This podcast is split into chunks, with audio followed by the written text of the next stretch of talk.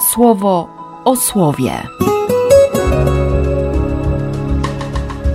Rozważania księdza Grzegorza Mączki.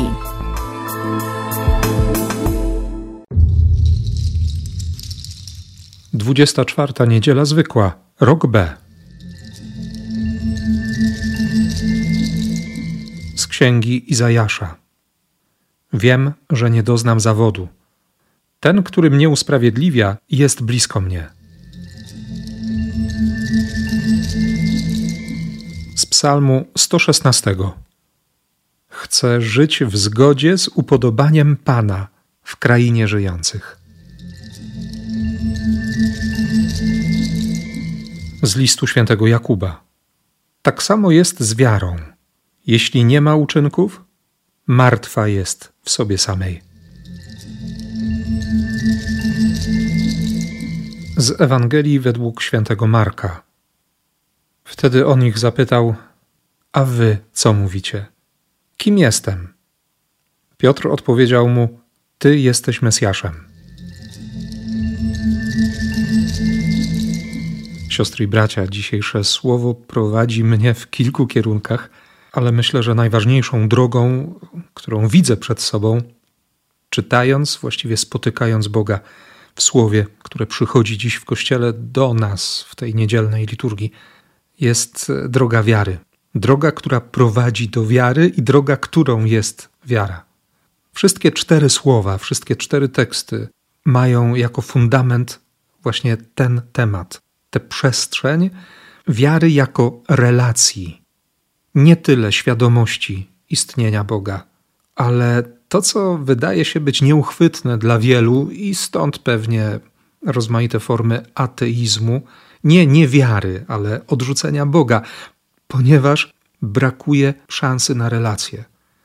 Nawet ostatnio pojawiające się znów gdzieś tam w przestrzeni, nie tylko internetowej, ale nagłaśniane w internecie akcje typu Nie będę chrzcić dziecka, które świadczą bardzo boleśnie o tym, że ludzie inicjujący takie zachowania, takie działania, takie akcje, naprawdę nie mają doświadczenia Boga. Nie wiedzą. Walczą z tym, którego nie znają. Również z Kościołem, czy odwracają, odwracają się od Kościoła, którego nie znają. Bo jeśli Kościół jest taki, jak w ich wyobrażeniach, to, to rzeczywiście ja też nie chciałbym być w takim kościele. Dlatego właśnie dzisiejsza liturgia zadaje nam bardzo konkretne pytanie, już w Ewangelii jakby, ale, ale to pytanie pojawia się we wcześniejszych tekstach również. Kim On dla nas jest? Kim Bóg jest dla mnie? Jaki jest? Jakiego Boga poznałem? Jak wygląda moja relacja z Nim? Zanim każdy z nas usiądzie, by sobie to uświadomić, do czego zresztą gorąco zachęcam, posłuchajmy tego, co mówią nam autorzy poszczególnych tekstów.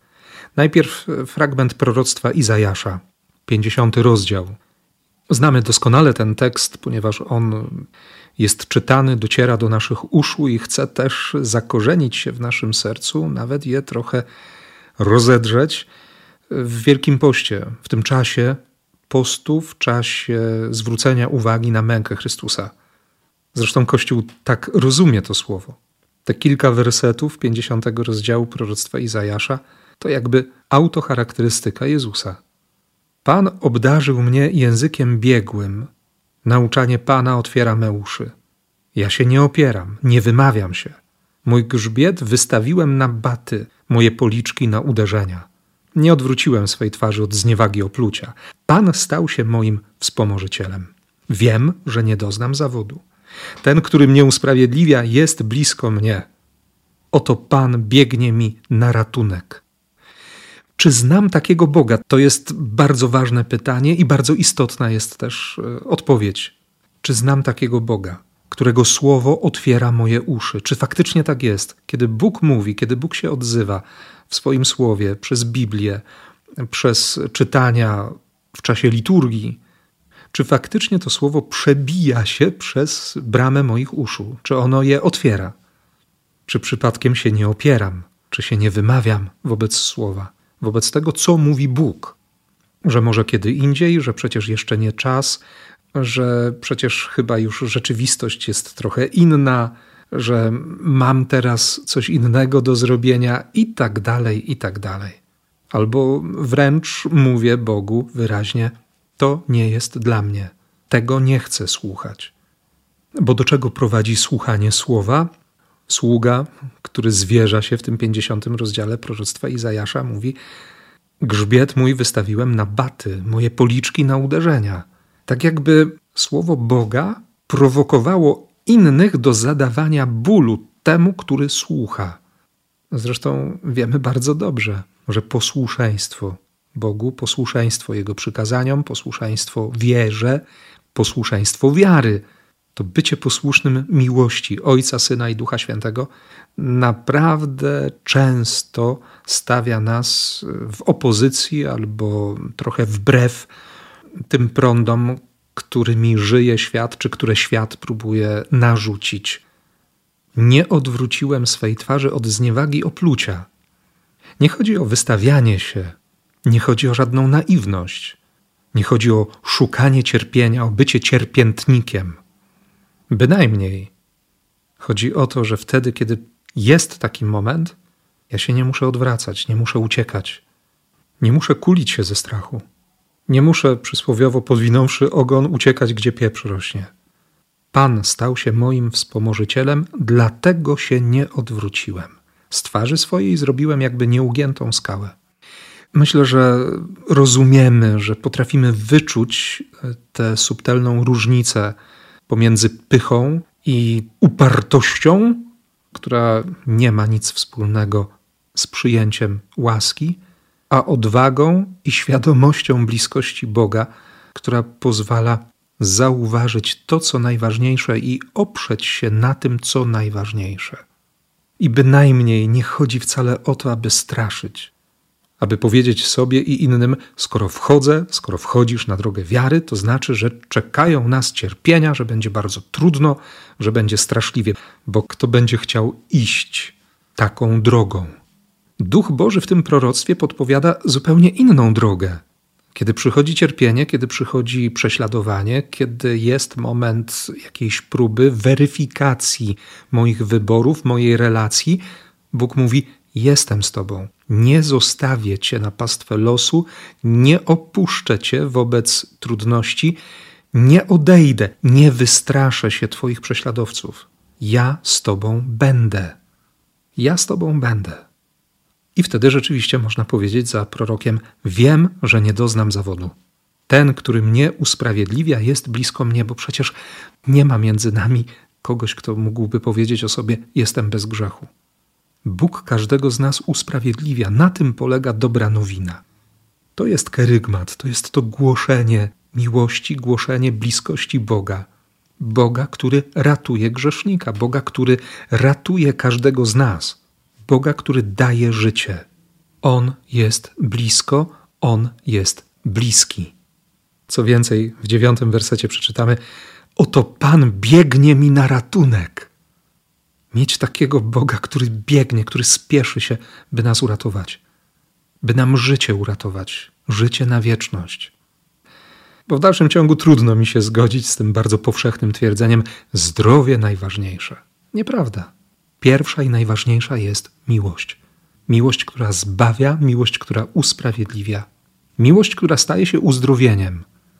Jeśli fizycznym, Bogu dzięki, ale przede wszystkim uzdrowieniem ducha, właściwym spojrzeniem na swoje życie, szansą na zaufanie. Na zaufanie, które otwiera nie tylko uszy, ale otwiera całe serce. Zaufaniem, które się nie zawiedzie na Bogu. Na osobistych wyobrażeniach Boga tak, ale nie na Bogu, który, który objawia siebie przez Słowo, który chce być poznawany, który ciągle nas prowokuje, ciągle nas zaprasza, zachęca, byśmy uwierzyli, byśmy poszli za Nim, byśmy dali się poprowadzić, który staje dziś przed nami i zaprasza na drogę wiary. I to jest doświadczenie autora Psalmu 116. Będziemy słuchać w liturgii pierwszej części tych pierwszych dziewięciu wersetów. Miłuję Pana, bo zechciał wysłuchać głosu mojej prośby, nachylił swe ucho. Zawładnęły mną bóle śmierci, dopadły groźby otchłani, popadłem w ucisk i udrękę. Nie miałem łatwego życia. To, co się działo, nie było proste. Nie było miło i przyjemnie. Wezwałem zatem imienia Pana i On ocalił. Dlatego chcę żyć w zgodzie z upodobaniem Pana w krainie żyjących. My kojarzymy ten tekst z liturgią pogrzebu.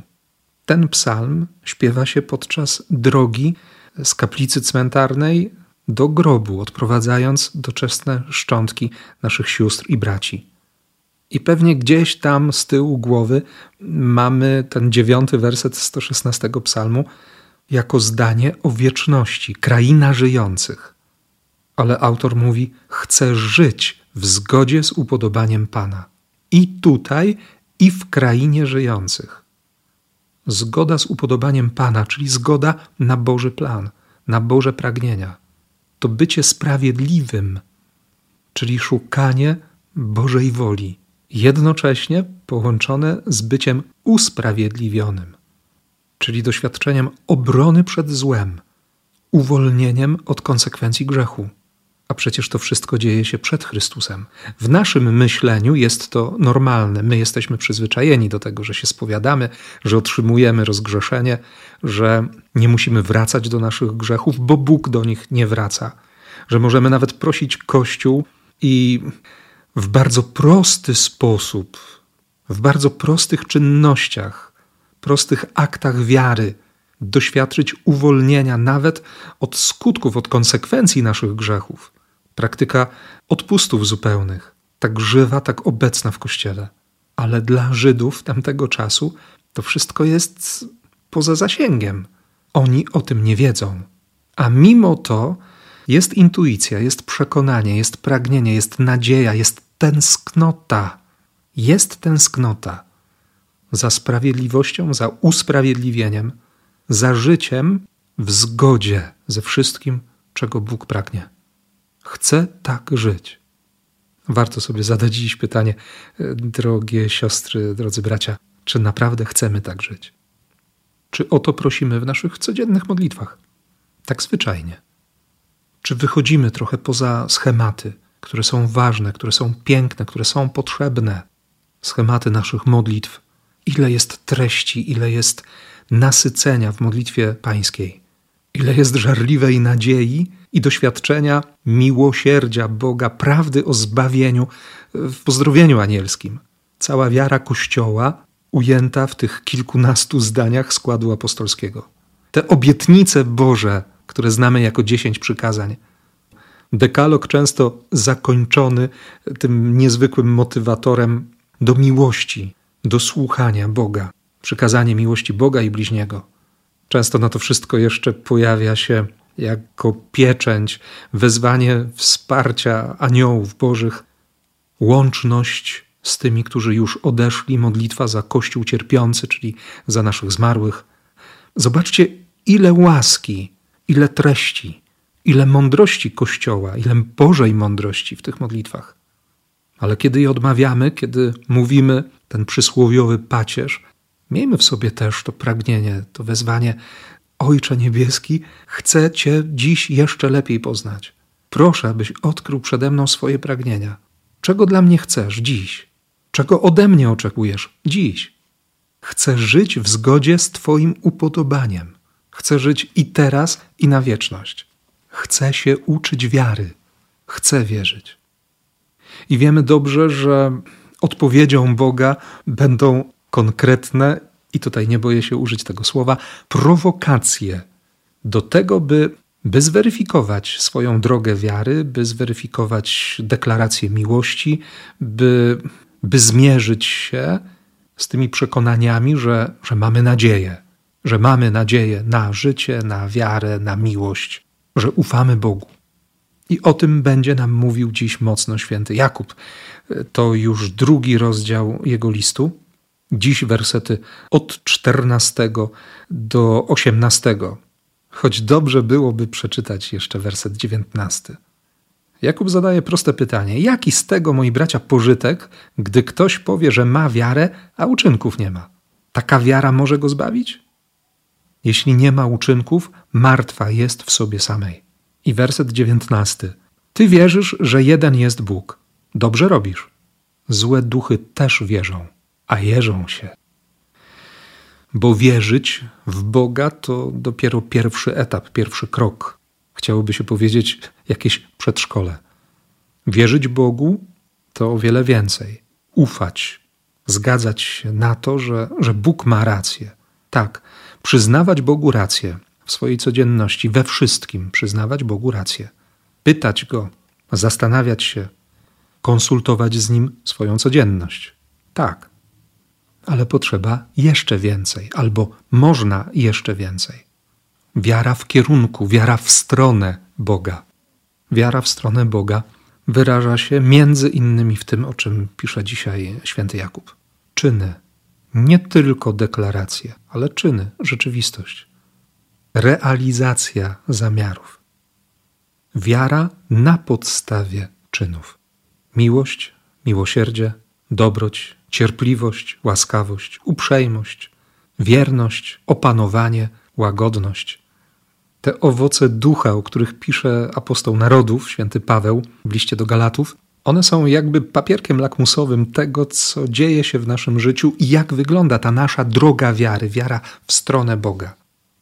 Realne, dotykalne, rzeczywiste, czasami do bólu, rzeczywiste doświadczenie. Bo w końcu o rzeczywiste życie chodzi, o autentyczność życia chodzi. My nie chcemy być martwi. Nie musimy być zmartwiali albo zmartwieni. Nie chcemy doświadczać martwoty, ale życia. Życia prawdziwego, życia pełnego, życia obiecanego przez Chrystusa. Przyszedłem, aby owce miały życie, miały je w pełni, miały je ponad obfitość. Łaska, która jest bez miary. Życie, które jest bez miary. Miłość, która nie ma granic. Do takiej drogi zaprasza nas Chrystus.